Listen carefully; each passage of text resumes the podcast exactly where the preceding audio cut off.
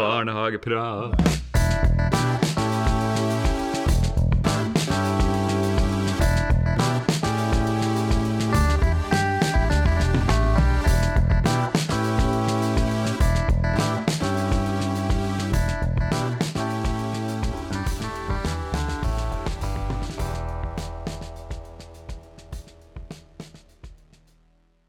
Hei og velkommen til Barnehageprat.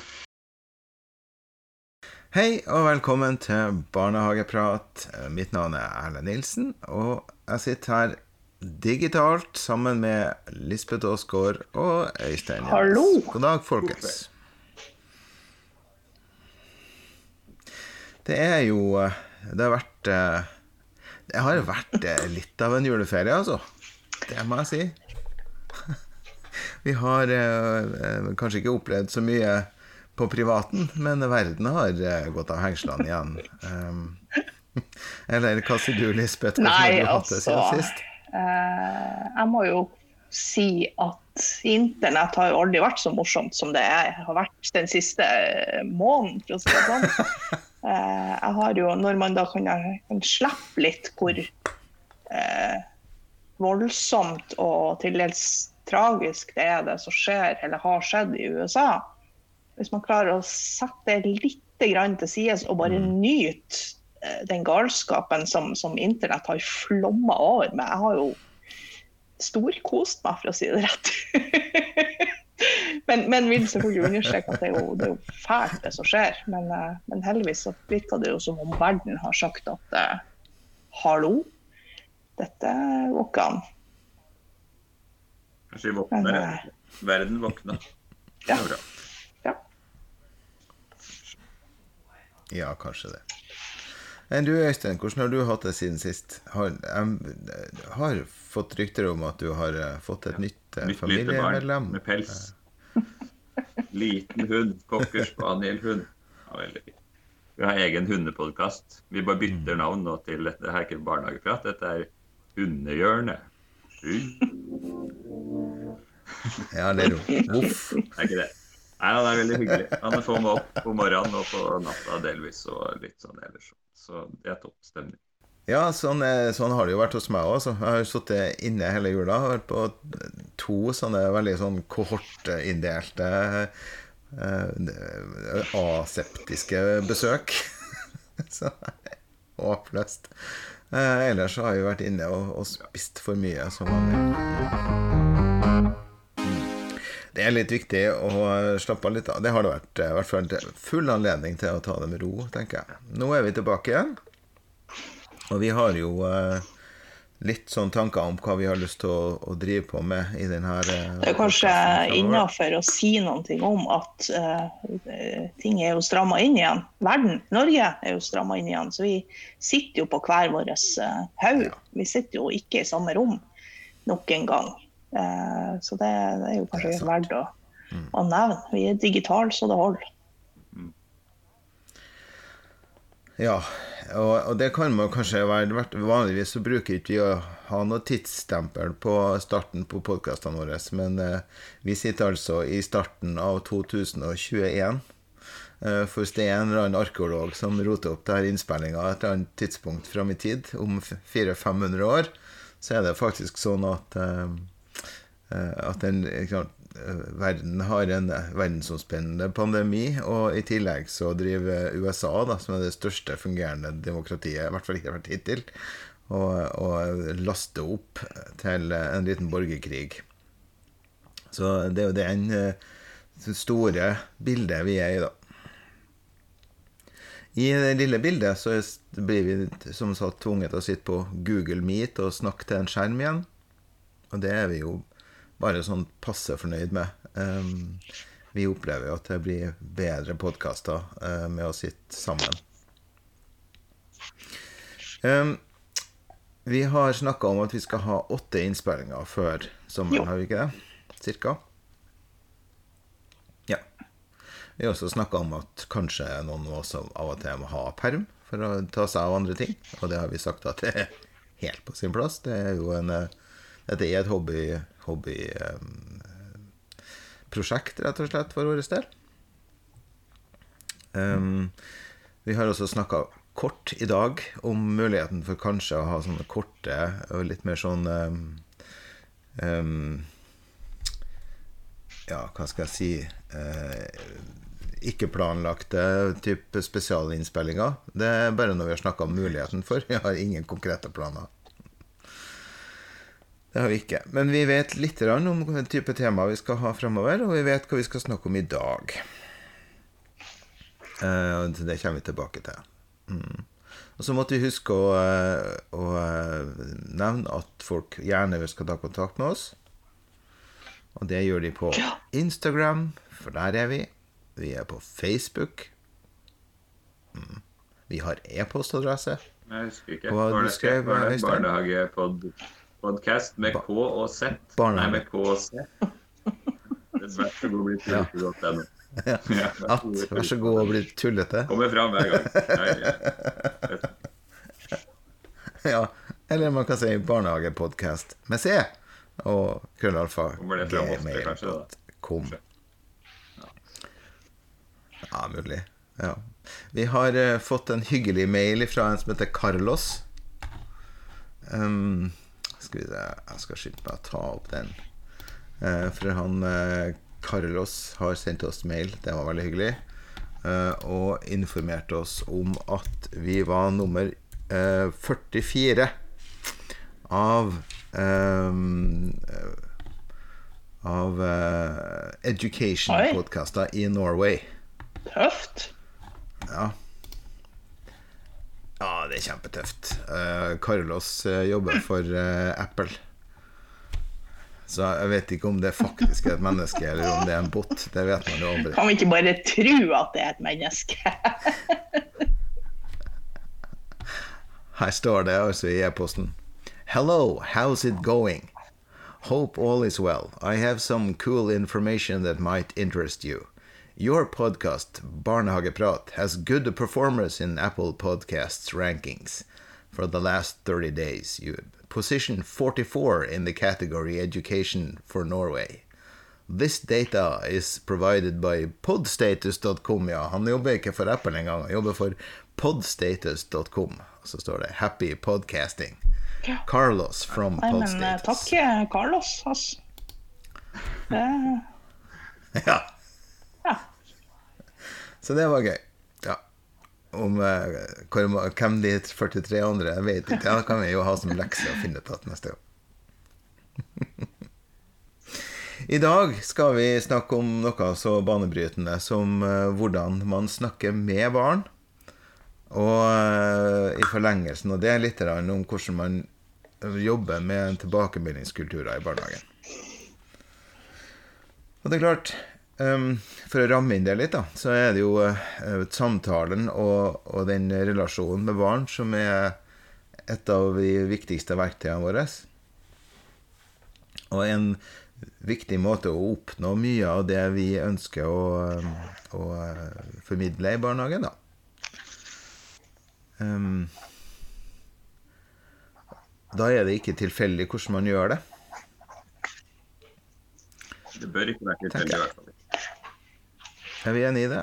Nei, jeg tenker jo Det er noe av det viktigste som, som er at man faktisk er bevisst eh, hvordan man snakker med barn. At man eh, går noen runder med seg sjøl. Eh, og derfor syns jeg også at tilbakemeldingskultur er så viktig. fordi at det er jo ofte man ikke helt eh, tenker sjøl, eller klarer å se sjøl eh, hvordan man eh, ordlegger seg, eller mm. hvordan man snakker. Eller. Og det er jo jeg tenker også Grunnfjøla ligger jo mye i dette at det er veldig stor forskjell. Altså, man kan jo starte med det om man snakker til barn eller med barn. Eh, og at man kan Ja. Kan vi prøve eh, ja. å definere det, kanskje? Nei, jeg tenker at barnesyn Hva tenker du på da? Eh, hvordan ser du på barn? Hva er et barn? Er det, et, mm. altså, er det forskjell på å snakke eh, med et barn eller til et barn kontra å snakke til med en voksen? Uh, av og til så tenker jeg jo det at man uh, mm. uh, altså, Hvis man setter litt på spissen, så tenker jeg at ville du ha snakket, snakka altså, sånn til en voksen? og ville du ha snakka sånn mm.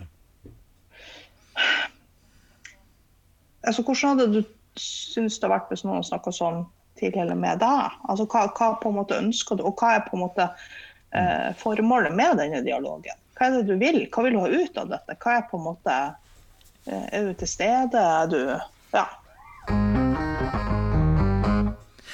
Ja, så Når du snakker, så hører jeg at du sier det handler om, om respekt og hvordan vi er til hverandre. ja. Er forskjellen mellom til og med. Um, for meg så er det sånn at når jeg snakker til noen, ja. uh, så gir jeg dem en beskjed. Men med en gang jeg snakker med noen, så har de lov å ha en mening. De har lov å komme med et svar, og de har lov å ha en tanke om det vi ja. Det var veldig fint. At det blir en er samtale. mye flinkere til å definere ordlegg enn det er. Men du sier akkurat det jeg tenker. Kan jeg få det skriftlig? Dette med å snakke med barn, da, det er jo en eh, måte man Det er jo det vi gjør for å oppnå ja, og Vi lærer dem om livet, vi lærer dem om forskjellige praktiske ting, og vi lærer, prøver å, å Vi bruker dialogen som et hjelpemiddel, ikke sant? Og um, det er jo mange ting som påvirker det. Det ene er jo eh, gruppestørrelsen, og det andre er jo situasjonen du er i, og hvordan det Og eh, jeg tenker at um, det ofte kan være en utfordring for oss som jobber i barnehage, at uh, vi må passe på at vi har den samme tilnærminga til ungene, uavhengig av om vi har det travelt, eller om vi har det mye å gjøre, eller om vi har store grupper rundt oss. Det skal være en kjerne og noe fornuftig der uansett, da. Og det, når du kommer eh, Når barna er i barnehagen, så skal det ikke være sånn at de får ordet stopp eller nei som en automatikk. Det skal være sånn at de møter et menneske som er interessert Vi er interessert jo i å innom prate. profesjonalitet og holdning òg i det her. Vi som jobber i barnehage, vi må ha en, Ja. En eh, proff måte å gjøre det på. Og der ligger jo det du snakka om nå. At eh, litt uavhengig av hvor eh, god tid du har, så har du en holdning i ryggen eller i hodet eller i hjertet som gjør at du prater ordentlig med barn uansett.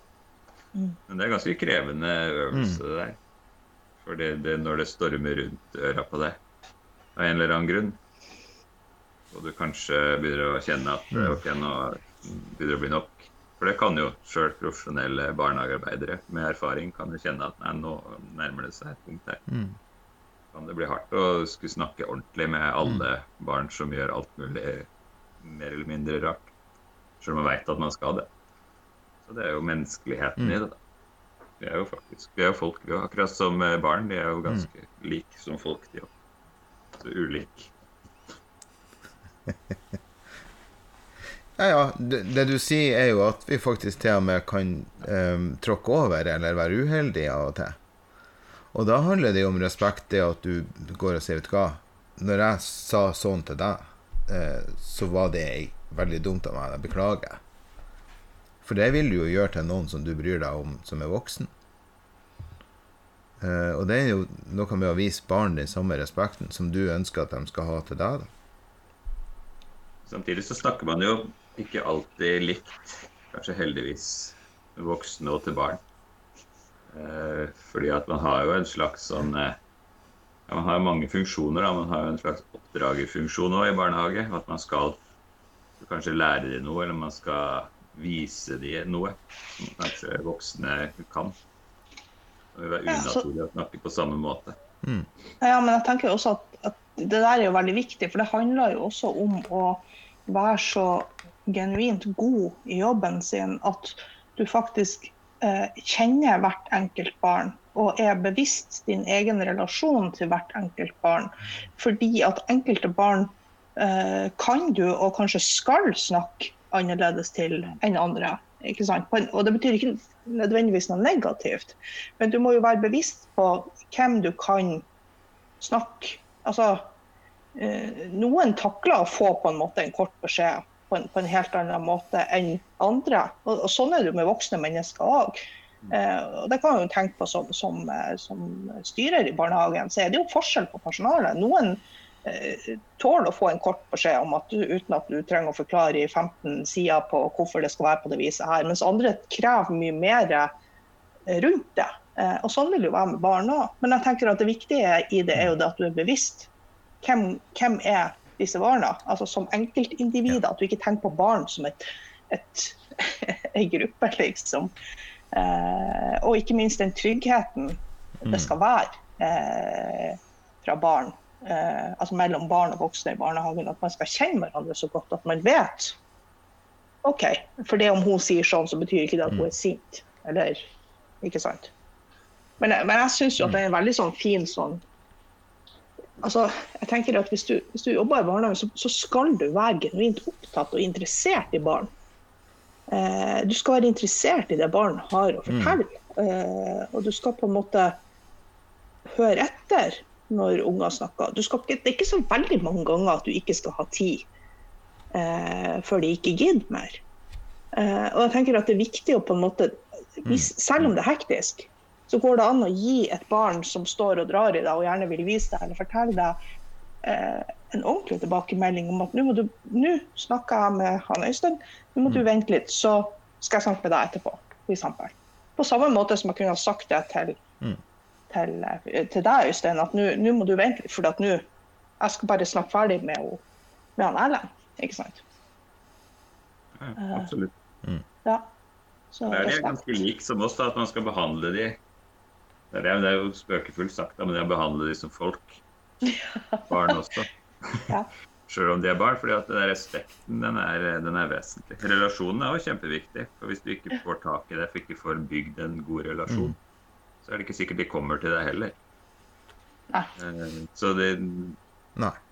Men, men, måten man bygger relasjoner på, er jo stort sett hvordan vi behandler hverandre. Når du skal holde kjeft og når du skal på en måte gi en beskjed eller du skal snakke med det her barnet. For noen, I noen tilfeller så trenger de ikke så mye verbal kommunikasjon heller.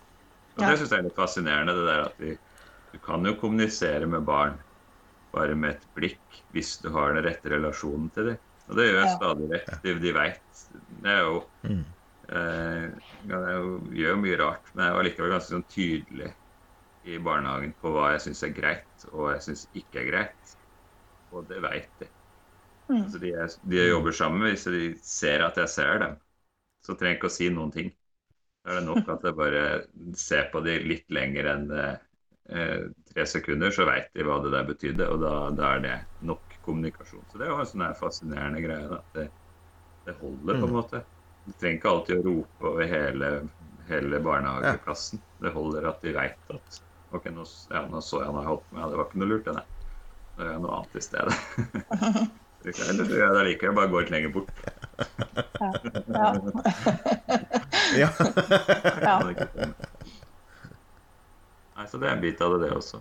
Men det er mange, mange sider der, sånn som alle temaene vi snakker om, så er det jo masse eh, mange ting. Og det der med å, at man skal behandle unger og folk litt forskjellig, og at det er greit for vi jobber jo ofte med grupper.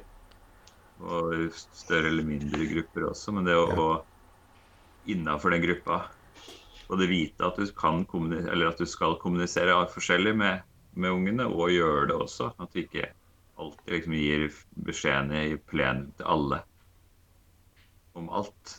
Men at noen beskjeder mm. skal kanskje gis bare eh, fem minutter før til den ene som trengte det fem minutter før, og så kan du ta de andre og gi beskjeden Mm. Så det, er jo, det synes jeg er ganske spennende. Ja. Det individualiteten i, i ei gruppe. Mm. Det er veldig lett å tenke at det her er bare det er ei avdeling, det er ei stue, og så skal alle beskjedene gis uh, høyt til alle samtidig. Mm. Det, det, slår ikke så ofte bra ut, det. Etter min erfaring, i hvert fall. Nei. Nei. Jeg tenker også at det, det, dette med tid At vi har, vi har jo egentlig eh, all verdens tid.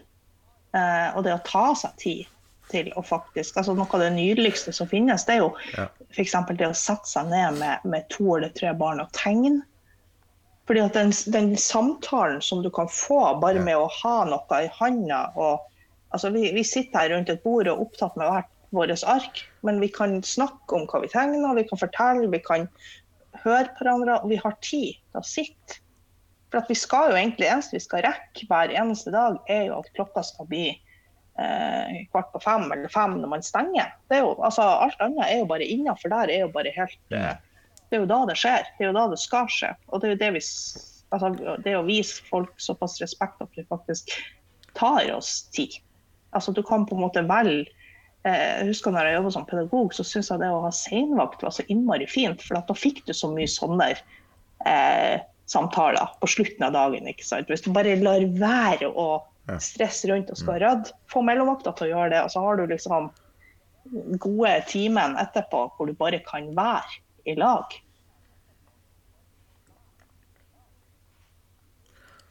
Høres det kjent ut? Si noe? Ja, ja.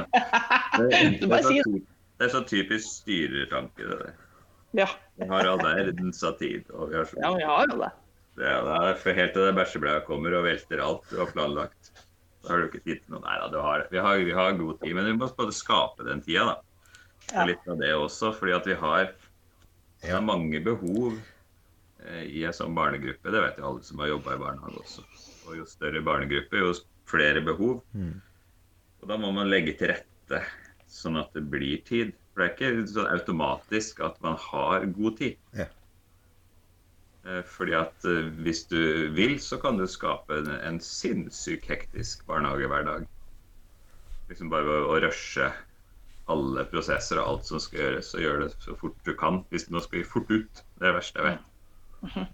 Men at man, eh, og der, der må man på en måte sette på håndbrekket og si at nei, vet du hva, vi må faktisk ikke fort ut. Og da skaper man tid.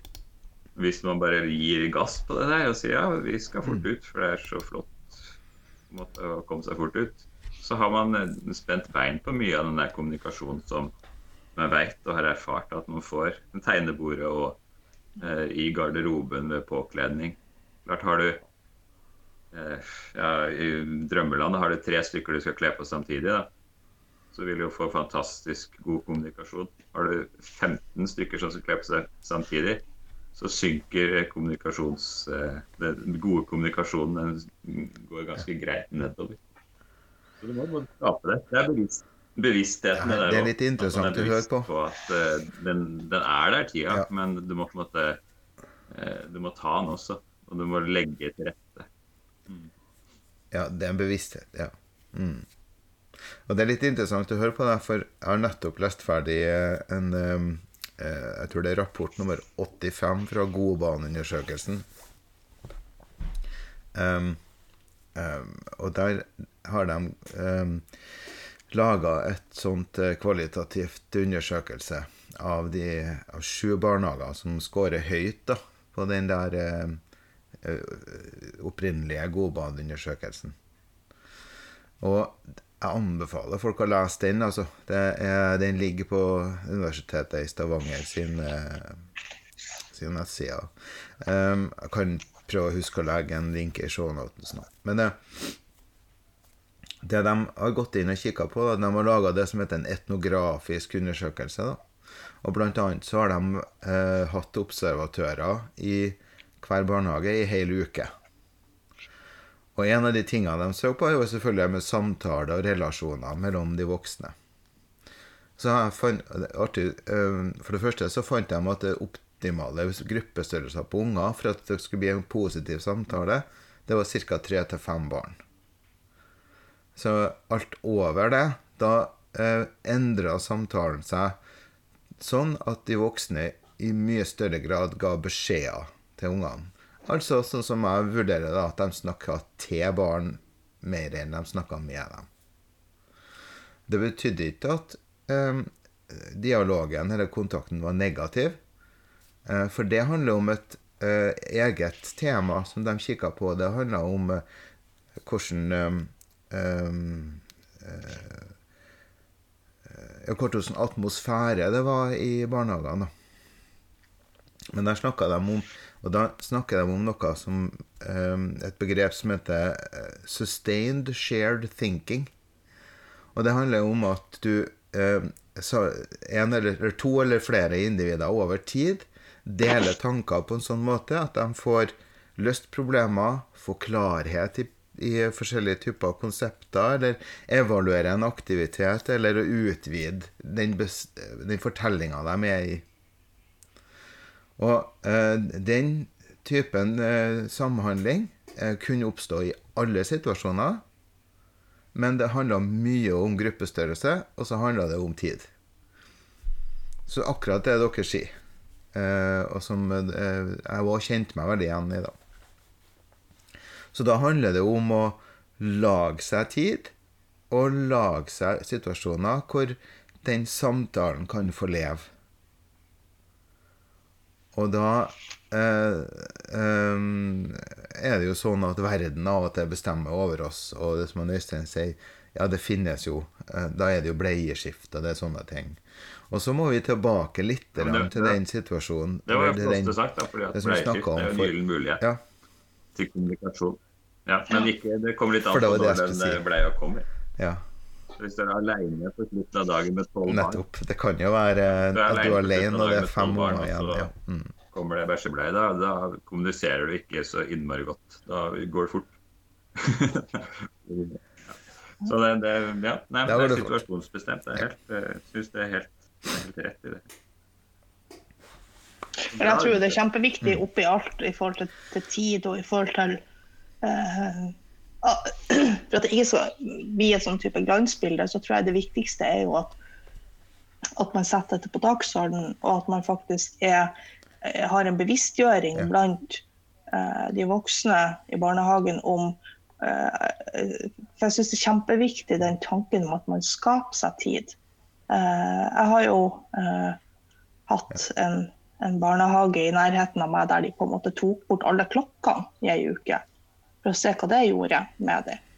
Eh, og det var jo kjempeinteressant.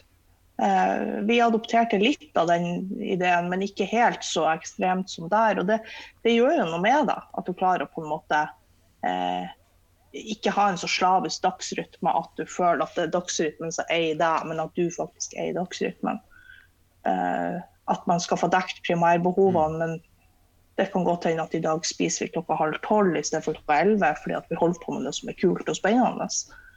Uh, og det handler jo om bevisstgjøring. At man må snakke om dette. At man må sette det på dagsordenen og si at OK, er du altså, Eller at for å dra inn det med tilbakemeldingskultur, faktisk kan si det. at vi har det jo ikke travelt.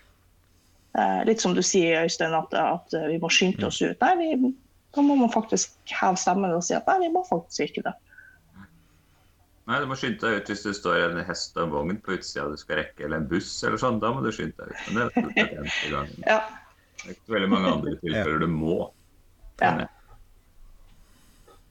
Nei, det er sant, det. Det som var veldig gøy eh, i den eh, undersøkelsen til Goban, da, som, eh, det var det at eh, i veldig liten grad observerte de at eh, personalet i barnehagen sa stopp eller nei til ungene uten å forklare hvorfor. Det var i fryktelig sjelden de opplevde at noen sa bare nei eller noe. På, oh, dette er jo mitt hjertebarn. Dette med å faktisk at du et, Ja. et ja skal være utgangspunktet, og et nei skal alltid forklares. Altså, og, eh, det var en kjempe Jeg husker ikke hvor jeg, når jeg Mm. fikk dette presentert eh, første gangen, eh, for jeg hørte det jo fra en eller annen luring.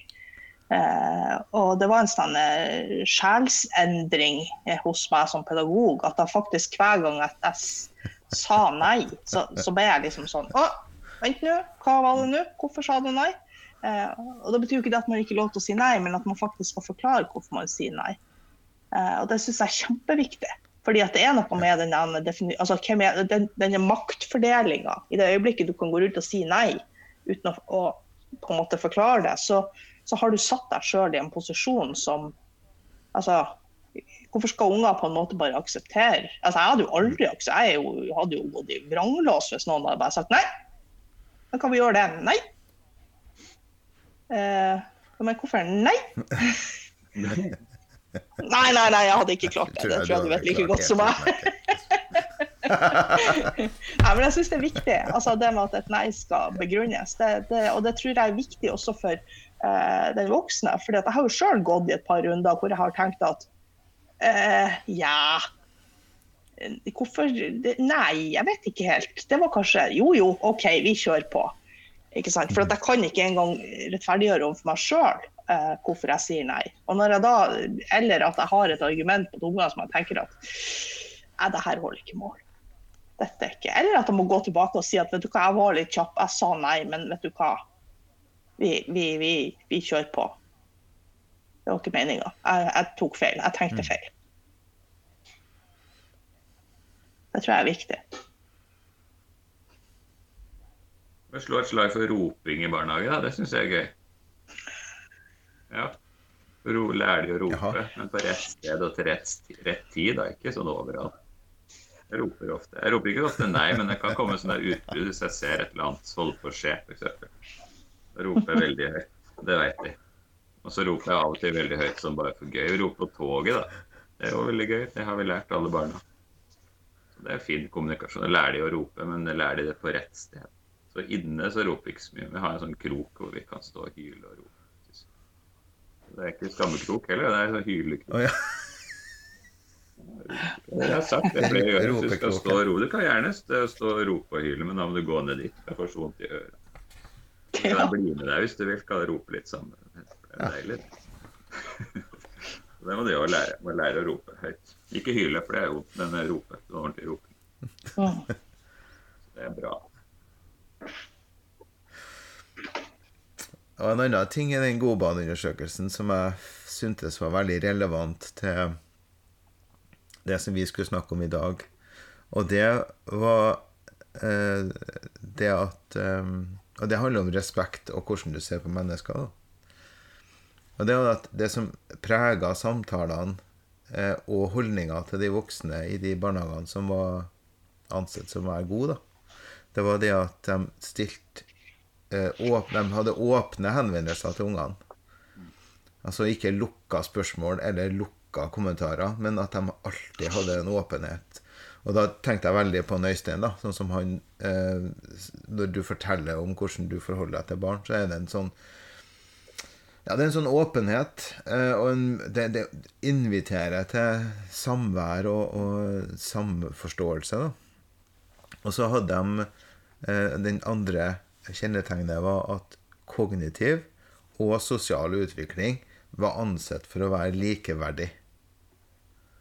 Så det var ikke sånn at eh, det å skulle lære navnet på alle pattedyrene eh, var viktigere enn sosialt samspill, eller motsatt. Det var òg viktig å, måte, å, å lære ting, men eh, det skulle gjøres det- sammen med andre. Da.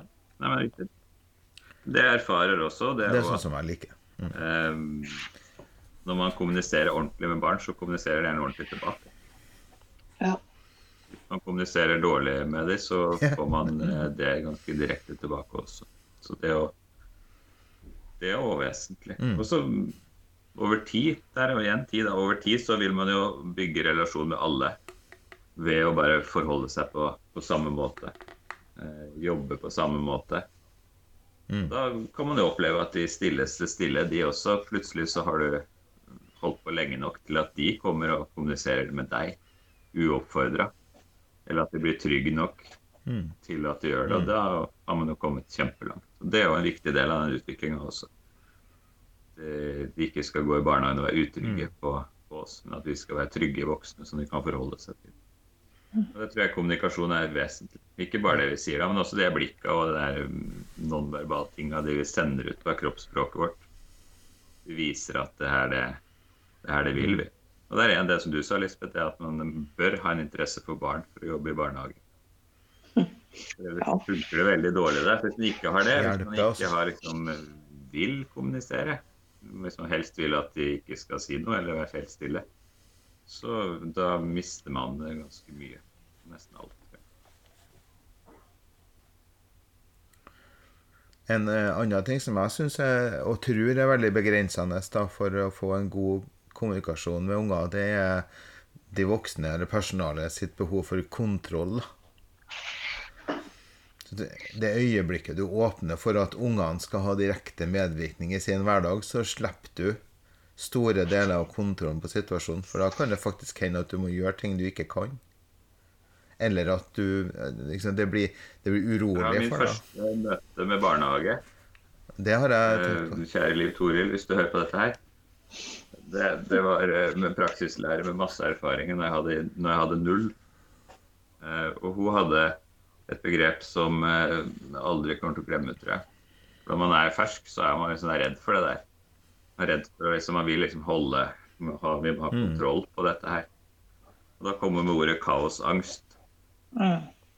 Genialt ord. Fordi at Ja. eh, det, det kan jo bli kaos i alle settinger. Litt kan man planlegge, og litt kan bare bli sånn. Men det å bare vite at ja, ja, OK, så la det være litt kaos, da.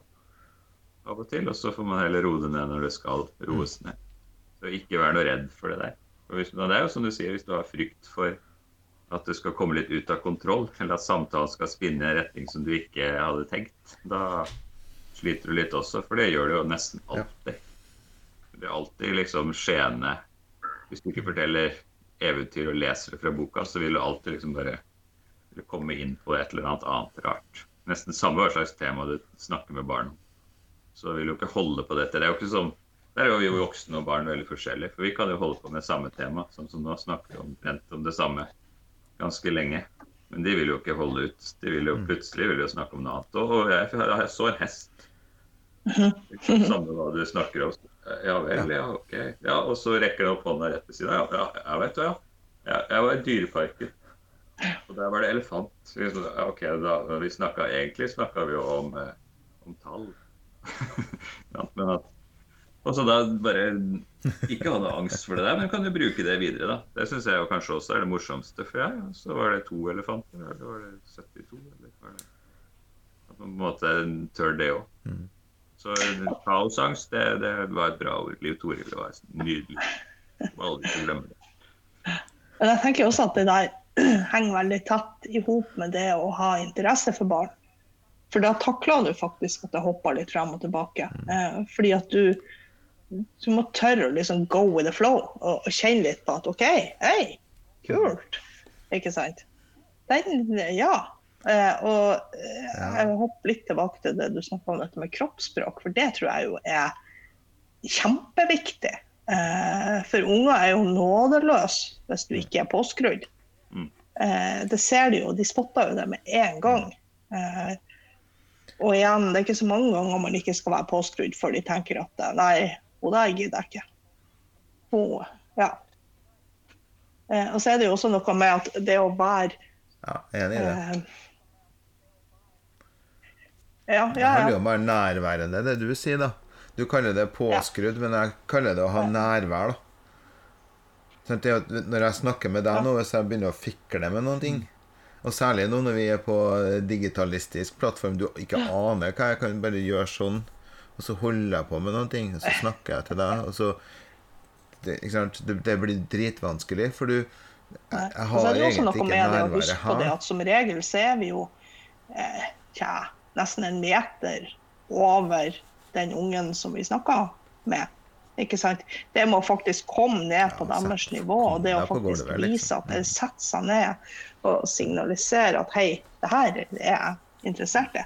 Ikke sant? Jeg, vil, jeg vil høre på deg, jeg vil snakke med deg. Mm. Eh, og så tenker jeg også det at det, det handler mye om trygghet. fordi at eh, det er ingenting som gjør meg som voksen så utrygg. Eh, folk som, eh, altså Hvis jeg har et voksent menneske sammen med meg som jeg skjønner er rasende, og totalt uenig med meg i det vi, hvis vi, hvis vi f.eks. diskuterer noen ting, eh, men så står vedkommende der med et smil og liksom Ja, ja, ja. ja ikke sant? Og så bare tenker jeg at nei, det her er jo helt feil. Jeg ser jo på deg at du er jeg har lyst til å rive av meg ørene. Og, ikke sant? Eh, og, og det tenker jeg litt der, for at, at unger er så rågode på det med kroppsspråk, eh, og samtidig så dårlig. Fordi at de, de klarer ikke helt å sette altså, De leser kanskje kroppsspråket før de leser den verbale kommunikasjonen. Eh, og da blir det så vanskelig å skal på en måte henge dette på greip, ikke sant? ja, rent kognitivt for barn å sette sammen forskjellige sanseinntrykk til et hele, det er jo noe som ikke er i mål før de er 24 Ja, år. nemlig. Der kom fasiten. Ja. Hvert fall hvis du er, mann. ja. Det var dine ord. Ja, ja. Ja. ja. Egen erfaring. For det at eh, noe det, det, det dere Ja. snakker om nå, det handler om atmosfære. Ja, og da er, Der er det jo selvfølgelig noen som har forska på det. Det er gøy. Ærlig, Og da har de forska på atmosfære i barnehagen. Ja, ja, nei, men alle burde synes det er gøy. Det er nesten like gøy som nisselue i januar.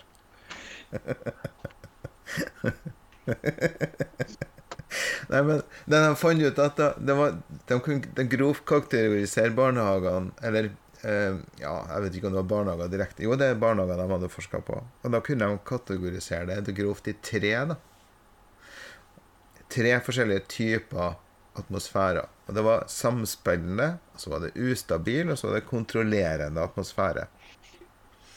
Og så i en samspillende atmosfære så er de voksne de, de er nærværende, de er lydhøre, og de har fleksible grenser. Veldig det som Øystein snakka om. At du kan ikke behandle alle mennesker og individer likedan. Folk må ha forskjellig oppfølging. Mens at i en ustabil atmosfære så er det distanse mellom den voksne og barn. Og det er en sånn tilkjempa ro. Kjenner dere igjen det? det er sånn jeg har situasjoner i mitt hode fra når jeg var spilleder, og ellers også, hvor at tilkjempa ro er, er betegnende for situasjonen. Og også at det er motsetninger. F.eks. at hvis at atmosfæren kan være på én måte når lederen er til stede, og når med en gang hun eller han går hjem, så er det en mm. annen atmosfære, f.eks. Det er en sånn ustabil atmosfære. I en kontrollerende atmosfære så hersker det alltid orden og beherskelse, og så er det en maktkamp mellom f.eks. personalet og ungene, hovedsakelig der. Der har jeg òg opplevd situasjoner i yrkeslivet mitt hvor jeg kjenner igjen den atmosfæren i det som står her. Og det er veldig sånn beskrivende at um, Og da hva er hver da? Og hva det er å være lydhør? Jo, det er akkurat det som vi snakker om nå. Det er å få seg tid, sette seg ned på gulvet, faktisk høre hva folk sier, og så la folk, sjøl om de er bare tre år, ha et direkte påvirkning på sin egen hverdag. Og da handler det om en, eh, en, eh, en holdning. Altså en, skal du være profesjonell, sånn som vi starta med Skal du være profesjonell barnehagearbeider, eller skal du bare være til stede og, og ta opp plass og puste andre sitt oksygen? Jeg tenker jo at det er veldig viktig at man eh, faktisk setter seg ned litt med seg sjøl. Og tar en prat med seg sjøl om hva, hva, er det egentlig Hvordan menneske er jeg når jeg er på jobb? Hvem er jeg når jeg er sammen med barn? Eh, og jeg tenker at Det er ikke noe som man nødvendigvis skal gjøre én gang når man begynner i barnehage, men det kan man godt gjøre med jevne mellomrom. Eh, og analysere seg sjøl litt og se seg litt i speilet og tenke hvordan, hvordan håndterte jeg det der? Hvor var jeg hen? Altså Når du går hjem fra jobb, eh, og jeg er klar over at det er dager som er eh, mer hektiske enn andre. og Det er kanskje ikke de dagene du skal ta et oppgjør med deg sjøl, men, men, i den jevne eh, dagen så er det noe med det å ta med seg eh, erfaringer og opplevelser hjem, og så tenke litt over hvor, hvem var jeg i dag. Er det den voksne som jeg syns at mm. ungene fortjener å treffe? Var, jeg, hadde en sånn en sånn setning som på en måte lyser i hodet mitt nå. og det, altså det, er noe med det at, at, barndommen får man ikke i reprise. Eh, det er hver dag. Det er, det er mm. dag for dag, og man kan ikke gjøre det om igjen. Og Da er det så ekstra viktig det man faktisk gjør. Eh, og jeg tenker at i barnehage så tilbringer vi av og til nesten mer tid med disse barna enn det foreldrene gjør. Og Da er det ekstra viktig at man kan tenke at dette her kan jeg stå for. Dette er, eh, Jeg tilbyr noe som er bra. Jeg snakker med barn. Jeg er til stede, jeg hører etter når du snakker, jeg er interessert i det du forteller. Jeg, jeg vil vite hva som opptar deg. Eh, ja.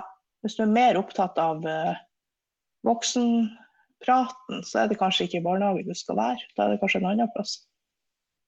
Jeg syns ungene fortjener at det er voksne i barnehagen som er genuint interessert og tilstedeværende. Men da nærmer vi oss undertittelen på Ja, eh, fortell en, en eh, liten detalj først. Eller ikke en detalj, egentlig. For Det går an å røre sammen de begrepene som du hadde, Erlend, nå. Mm -hmm. Eh, Nå husker jeg Jeg har jo ikke så god husk på sånne der ting som du har, men eh, skjønte innholdet i det. Fordi av og til, og hvis noen har snakka om kommunikasjon med, med at ideell gruppe er ganske liten Men det er jo ikke alltid at det er ideelt. Mm. Så jeg har, jeg har trodd det Jeg syns det er et godt eksempel på, på at man også kan kommunisere i stor gruppe. Um, og da kan det være 25 barn. Um, nå jobber jeg sammen med de som er tre år og oppover. Og sitter vi av og til og skal spise eller gjøre et eller annet og da er alle samla på samme sted. Og det er lagd en karakter som eh, heter Kaptein Snytbart. Og han bare dukka opp fra peiling, fra sikkert et mørkt sted, da. Eller lyst sted. Og han, han, han dukka opp i, en sånn setting hvor det var, var litt for mange barn. Eh, litt for få personale samtidig. Og så tenkte jeg at jeg, nå må vi gjøre noe grep her, for det var, da var det kaos. Og så begynte jeg å fortelle uh, uten å, å ha noe historie om han her fyren. Uh, kapteinen, da. Og da, var det, da ble det en sånn blanding til slutt, fordi at vi legger jo premissene. Når jeg skal fortelle historie, så skal, er det ingen andre som skal snakke. Uh, uten at de har rekt opp hånda først. Men de får lov å komme med innspill. Mm. Eh, Og det som gjorde den historien og det opplegget der så morsomt, det var at når det kom innspill, så fulgte jeg alle. Uten unntak. Samme hvor eh, crazy og vilt oh, ja. det var. Og av og til så spurte jeg liksom spørsmål òg i historien om hva, hva liksom, hva skjedde da. Og samme hva som kom, så gikk jo den veien. Så kom. Ja. Og for, for Ja. de voksne som satt der, de satt jo bare rista på hodet stort sett, for det ble jo helt eh, ja, det, det, det var, hang jo ikke på grep I det hele tatt. Det var så helt, helt ute. Han så jo, han hadde lange, hvite strømper, han er kapteinen, og han hadde snurrebart. og han var Likte ikke Kaptein Sabeltann og hadde masse sånne nemesiser rundt omkring som han møtte på. Eh, Men ungene, de, de satt jo som tente lys. Og de, de, ja, nesten aldri Det, har vært, det var helt drypp stille. Og historien var mer og mer sånn der ute. Og så sa jeg til slutt så sa jeg, ja, den er ferdig. Ja vel. Og så gikk de ut og lekte. Og så, og så var det et par dager seinere så kom de inn og så etterspurte de, da. Den samme fjottehistorien som ikke hadde noe mening, men som var liksom veldig sånn der og da. Og veldig samlende. Så det er veldig spennende det der òg. Sånn, sånn funker hjernen min. da, Sånn kan man jobbe seg inn i, inn i det også. Da får man, får man samla hele gruppa. Og, og på noe som er eh, veldig sånn vanlig, men som treffer det veldig. Det er veldig fascinerende. det der. Sånn, bare fra ingenting, liksom, så tar man, tar man grep om hele situasjonen. Og jobber rundt det. Ja. Men, men det er jo helt nydelig, for vi hadde jo, du hadde jo det med som et tema en gang, dette med å være kreativ sammen med barn, og hvor nyttig det er. Og i tillegg så oppnådde du jo orden. Du oppnådde ro. Men du gjorde det på en måte som var inkluderende, og som var, eh, som var på barns premisser. da. Overraskende mye ro. Ja, og du, for å få det til ja, for å få det til, så må du slippe en del av kontrollen, ikke sant? Så. Ja, det er nydelig. Mm. Og, så er det noe med de voksne sin rolle oppi her, her da. Eh, For du, du nevnte jo litt om de voksne som ja, satt så smått rista på hodet, kanskje, eller tenkte at herlighet, det her blir jo bare tull. Det Og det er jo helt rett. Men tull, tull kan godt ha en funksjon, da. Og så er det sånn Hvis at jeg hadde vært eh, kollega med deg, da, og lurt på hvorfor du gjorde det der, så Nå vet ikke jeg hvordan det er i barnehagen din, men jeg, skulle, jeg håper i hvert fall at det er sånn at hvis uh, han Per eller noen, eller han Erlend, lurte på uh, Øystein, hva var det egentlig som skjedde nå?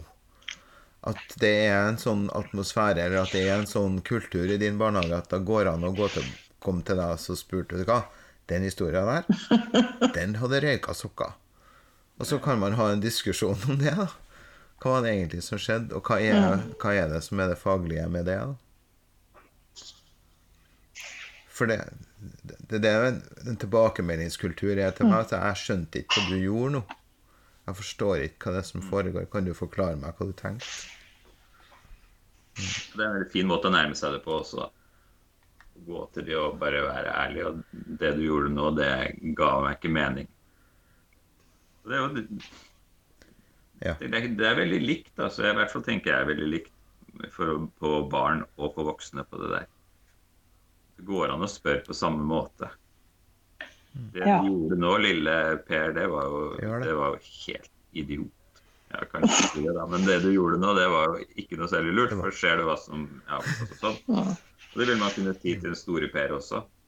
Og det du gjorde nå, så du hva som skjedde da. Ja. Om de, bare for å øke bevisstheten på det. Ja.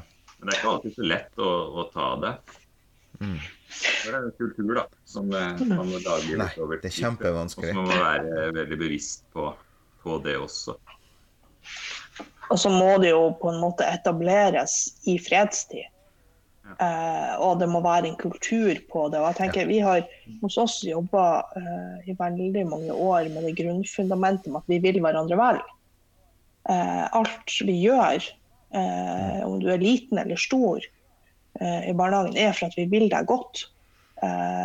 Og hvis jeg vil gi deg tilbakemelding, det kan godt hende at du har gjort et eller annet som er helt riv ruskende på trynet, så vil jeg jo gi deg den tilbakemeldinga fordi at jeg vil deg godt. Jeg vil at du skal lære av dette, jeg vil at du skal utvikle deg. Jeg syns ofte i barnehage, eller generelt i, i livet, hvis man lar folk få lov til å uh, tur på med en uh, uspiselig oppførsel, f.eks. Uh, uten å Ja, da blir det Så blir han president i USA.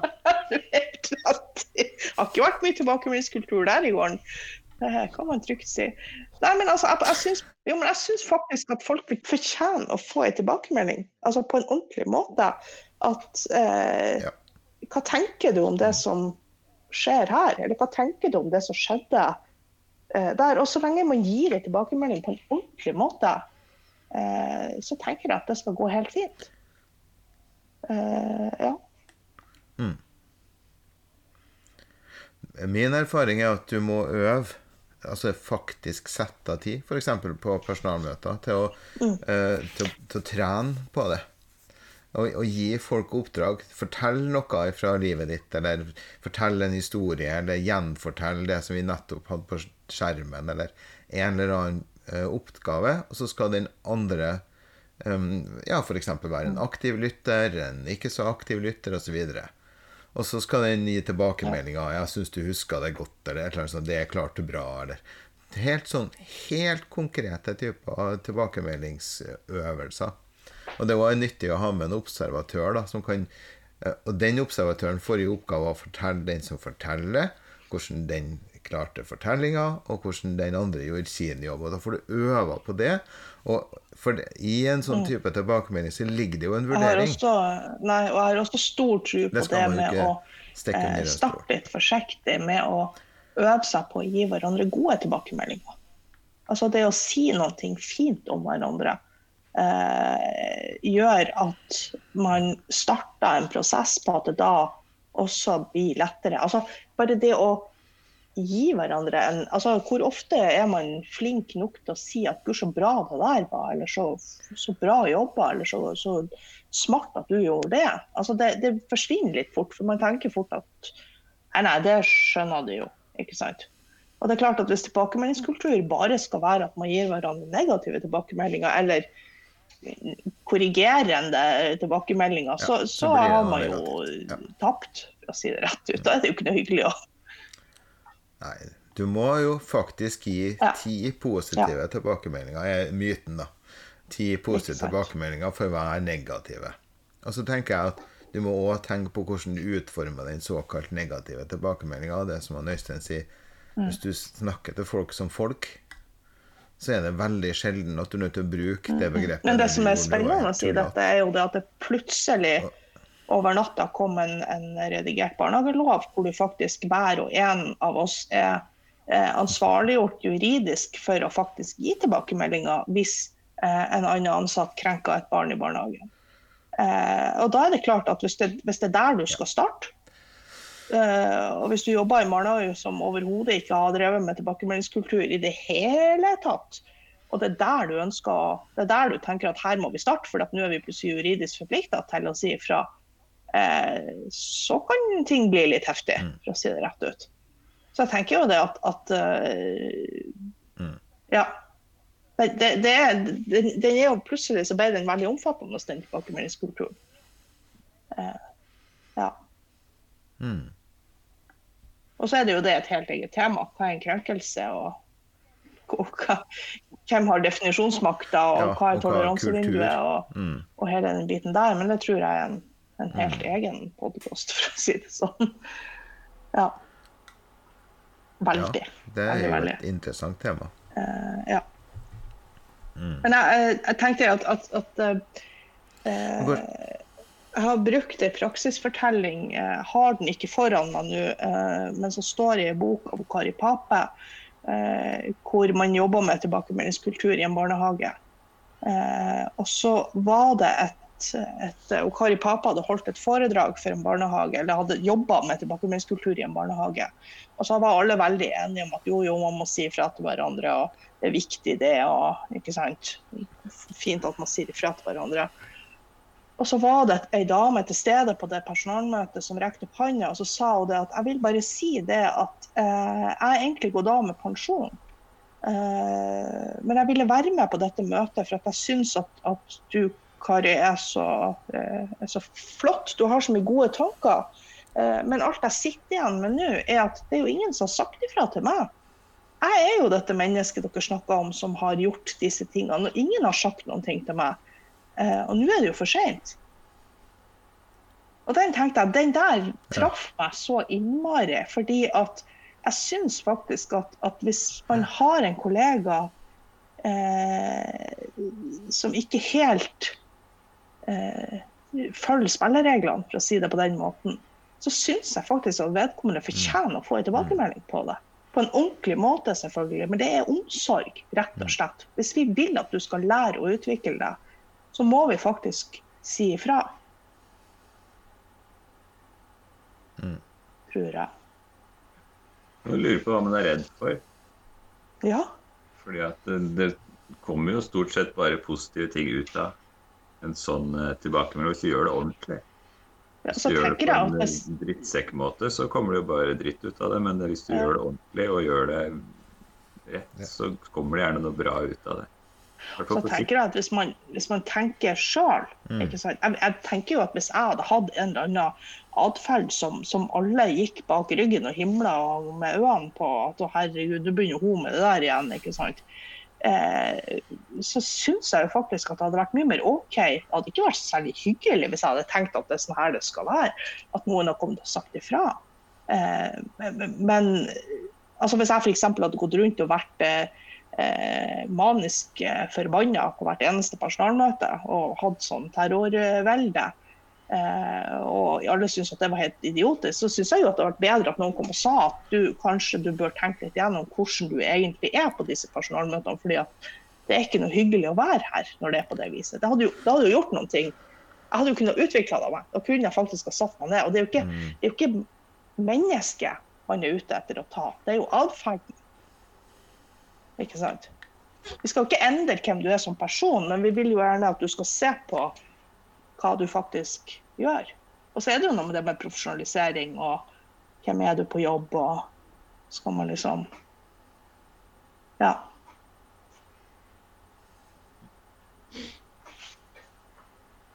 Det var jo bra eh, i den her Stine Sofie barnehagepakken og Barnas verneombud. Handler om litt andre ting enn det her, men det, der sier du at du skal handle på omtanke. ja. Og hvis du kan få kjørt det fram høyt nok, at det er faktisk det vi gjør, det er ikke på der det handler om mistanke og omtanke, da, men eh, en omtanke på den måten at du vil den du sier det vel. Mm. Så du klarer å formidle det, og klarer å ha det som sånn Ja. grunntanke, grunnkultur i barnehagen, så har man jo kommet kjempe, kjempelangt. Men lett er det ikke. Det er lettere å bare. Ja. Bare la tida gå. Kanskje går over. Men for at en sånn tilbakemeldingskultur skal fungere, så er det jo en del, foruts altså det er en del forutsetninger som var til stede. En av dem som jeg syns er helt avgjørende, det er at alle som jobber i barnehagen, eller i personalgruppa, da, hvis det er en annen plass, men alle som jobber i gruppa, har til å ta på seg det ansvaret og den belastninga det er å faktisk ikke være utlært. For med en gang du har akseptert det som fagperson, at jeg har ting jeg kan utvikle meg på, at det, relasjoner og måten jeg møter mennesker på, er noe du aldri blir mester i, da takler du tilbakemeldinger både på enkeltsituasjoner og, og væremåte på en annen måte, tror jeg. Og så har jeg lyst tilbake til det som du sa, Lisbeth. Ja, du, vi er jo styrere. Vi er jo i en helt særegen situasjon, egentlig. Og det er sånn som du sier, at hvis, hvis man stormer rundt i en barnehage og er despot og enehersker og, og raper galt på alle personalmøter, og bare, så er det ingen som tør å snakke til deg. Så det, det er et kjempevanskelig sted å være hvis du har en leder som er irrasjonell på den måten. Helt enig. Um, så vi har et særskilt ansvar for å oppføre oss mer eller mindre som folk. Men jeg har jo også trua på det at hvis man, altså hvis man tenker det at vi jobber eh, eh, vi jobber i barnehage, og vi snakker om dette med profesjonalisering, så tenker jeg det at, at hvis man kan si fra til hverandre med eh, den eh, grunntanken om at vi vil hverandre vel, og at vi gjør dette fordi at Altså eh, vi må på en måte ta en diskusjon på hvordan skal det, er det, er det innenfor å gjøre det på denne måten. Vi gjorde jo ting i barnehagen for 10-15 år siden som jeg i dag tenker å himmel, er det mulig at vi holdt på på det viset der? Altså gjorde vi faktisk ja. det? Altså Vi trenger ikke gå lenger enn sånn type sånn timeout, uh, sånn nanny-opplegg at du skulle sitte liksom, Nå skal du sitte her i tre minutter fordi du er tre år, og så skal du tenke over hva du har gjort. Uh, det var, det var, helt normalt å gjøre i barnehagen før. Uh, og så kan man jo diskutere og tenke litt over hvordan, hvordan, hvorfor man gjorde det. Hva, hva var liksom den faglige begrunnelsen rundt det?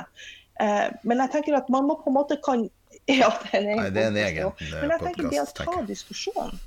Eh, Hvis man er uenig, hvis, hvis jeg er uenig i, i måten du eh, håndterer en situasjon Eh, med et barn, så tenker jeg det at det er helt innenfor at vi tar den praten. Hva tenker du om det som skjedde nå? Det betyr ikke at jeg skal komme stormende inn og være den korrigerende parten, men målsettinga må jo være at vi kan ta en faglig diskusjon rundt hva, hva skjer her? Hva, hva, er det på en måte du ønsker å oppnå med dette?